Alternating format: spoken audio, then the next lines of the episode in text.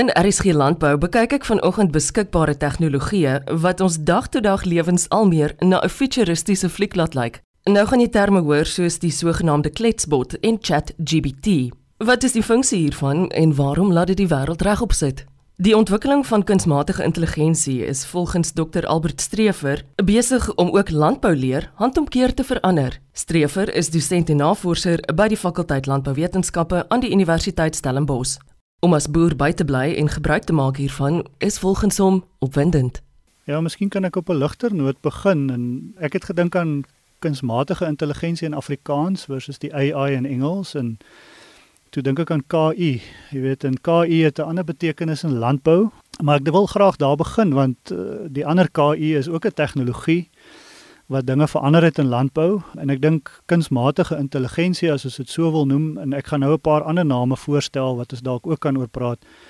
Eh, ek wil dit eerder noem komplementêre intelligensie en julle sal sien waar ek beweeg met dit is dat dit is iets wat as ons praat van augmentation of verbetering van dit wat ons is en kan dink oor en innovasie ook waar ons uh, idees kan uitdink. Uh, my opinie is dat kunsmatige intelligensie gaan ons net verbeter. Dit gaan komplementêr kan wees tot ons eie denke en ons eie patrone van dinge doen. So ek dink ook die feit dat ons praat oor kunsmatig is vir my 'n bietjie kunsmatig want dit beteken die intelligensie is eintlik autonoom, dit kan goed doen op sy eie en ek dink die van u wat al gewerk het met hierdie tegnologie, die verskillende toepassings wat nou daar buite is, sal weet jy moet hulle baie lei om die regte antwoorde te kry en 'n mens moet ook versigtig wees oor om net die uitset wat hulle lewer net so te aanvaar. So die tegnologie is in evolusie. Ons kan teruggaan eh, laaste ook met met jou gepraat het was ons nog in die 4de industriële revolusie. En ons het destyds gesê dat as ons nou die volgende revolusies kyk, is dit waarskynlik die etiek rondom tegnologie.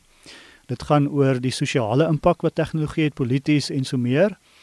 Ek dink ons is nou viervoetig in die vyfde industriële revolusie en dit is waaroor dit alles gaan. Uh, kunsmatige intelligensie is een van die tegnologieë wat die meeste aandag geniet het as ons kyk na die oorgang van vierde na vyfde industriële revolusie. Maar soos ek laas genoem het, dit gaan oor die moet ons. Ehm um, en daar is 'n klomp doemprofete daar buite en hulle sal in die media ook sien mense wat sê maar ons moet dit stop.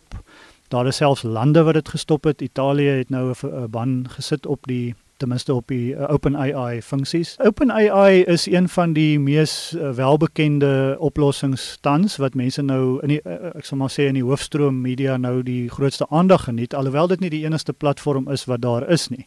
OpenAI is die die gewilde ChatGPT wat mense van gehoor het is is deel van hierdie OpenAI platform maar daar's ook beeldverwerkings um eksperimentele platforms soos DALL-E is deel van OpenAI. Julle sal ook weet dat daar's 'n redelike feete tussen die groot spelers hierso en ons praat van die die groot Googles en Microsofts van die wêreld om om hierdie tegnologie eerste te wees en die beste te wees.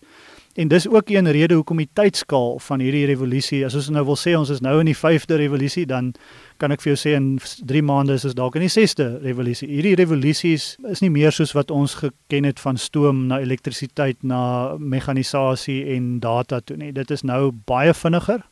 Die tydskaal waarin hierdie goed uh, verander en ook die hoeveelheid mense wat op 'n gegeewe tyd op hierdie platforms aktief is is net op 'n skaal wat ons nie verwag het as ons kyk na die navorsing wat nou daar buite is. So ek dink dis hier om te bly en die kernvraag hierso is ook uh, hoe ons as akademici, ook wat in landbouonderrig betrokke is, in my geval hoe ons dink oor hierdie toepassings en of dit werklik iets is wat ons wil teenstaan en of ons dit wel wil gebruik dalk tot ons voordeel. Vir iemand wat nog nooit daarvan gehoor het nie, wat is ChatGPT? So dis 'n sogenaamde groot taalmodel Wat dit basies doen is om baie van die teks uitset van die internet tot op 2021 het dit baie van hierdie teks uitset letterlik in een bron gaan sit en daai bron gebruik dan 'n neurale netwerk om uh, antwoorde te kry op sekere vrae. En dit gebruik masjienleer tegnologie en verskillende algoritmes om daai antwoorde te kry. En dit kom nou al klaar nader aan die die problematiek rondom hierdie want dis 'n dis dis nie heeltemal soos 'n gewone uh, soek engine soos Google nie maar dit is uh, iets waarmee jy meer natuurlik kan omgaan. Jy kan in gewone taal op hierdie stadium grootliks Engels kan jy daarmee eh, 'n uh, gesprek hê. En dis hoekom dit ook ChatGPT of 'n kletsbot genoem word. en hierdie gesprek kan jy dan antwoorde probeer kry op jou diepste lewensvrae. Uh, wees egter gewaarsku dat dit nie jou huwelik gaan beter maak of jou probleme met uh, jou kerel of meisie gaan oplos nie. Uh, dit is wel geprogrammeer om nie uitlokkende antwoorde te of vrae te aanvaar en dan kontroversiële antwoorde te gee nie. So dit dit gebruik mooi taal en dit is ook baie hoflik en dit maak ook baie mooi verskoning as dit 'n verkeerde uitset gee. Wat is 'n neurale netwerk?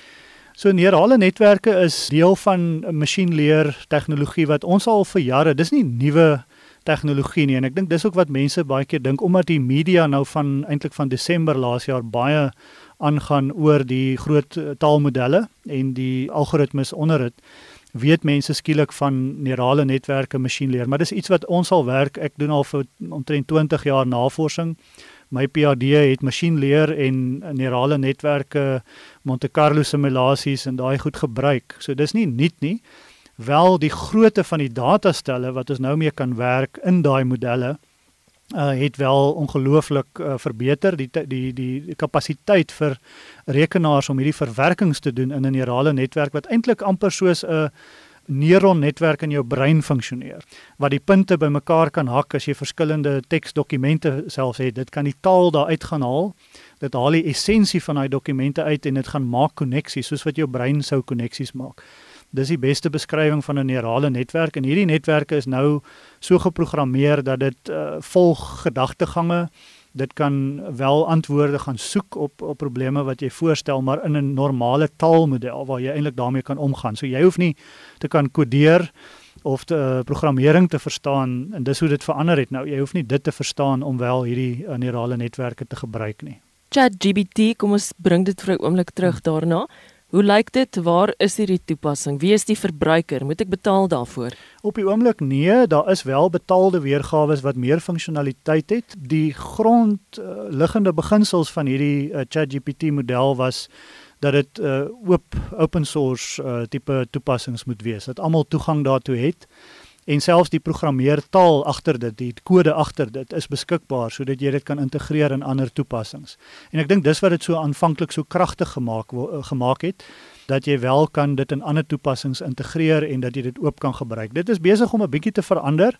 So as jy spesifieke funksionaliteit wil hê, byvoorbeeld groot dokumente wil deursoek, jou eie database wil opstel, sê net maar jy het 'n groot maatskappy en jy wil hê die data moet net gaan oor jou bemarkingsinligting of data, dan kan jy hierdie model beperk en jy kan hom eintlik herprogrammeer vir jou eie doelwit. Maar op die oomblik is dit is dis wat hom ook so aantreklik maak, dis 'n oop model die programmeertaal kan enige navorser wat goed is om vat en dit verbeter en ook iets iets anders daar uitskep. ChatGPT in landbou, wat is jou kommentaar daarop? Ja, ons kan miskien begin by by die onderrig gedeelte. Ek dink as ek uh, dink aan landbouonderrig is dit baie keer 'n eenrigting gesprek met studente waar ons gee hulle toetse om op te stel of, of om om te antwoord wat ons opgestel het. Ons kry antwoorde en ons aanvaar dan dat ons memorandum is die wet en die die, die punte word daar volgens gegee. Uh in daai opsig het ek 'n interessante ervaring gehad. Ek bied wingerkunde aan, soos julle nou gehoor het en Wingerkunde leer ons vir studente van van die vestiging van 'n wingerd. So ek het vir hulle in die tutoriaal gevra, nou hoe gaan jy 'n wingerd vestig? Wat se oorwegings is daar met die plant van die wingerd en die oplei en so meer en ook die omgewingsfaktore en mooi memo geskryf daarvoor en ek het besluit hierdie keer gaan ek nie die memo met hulle behandel nie. Ek gaan vir ChatGPT vra.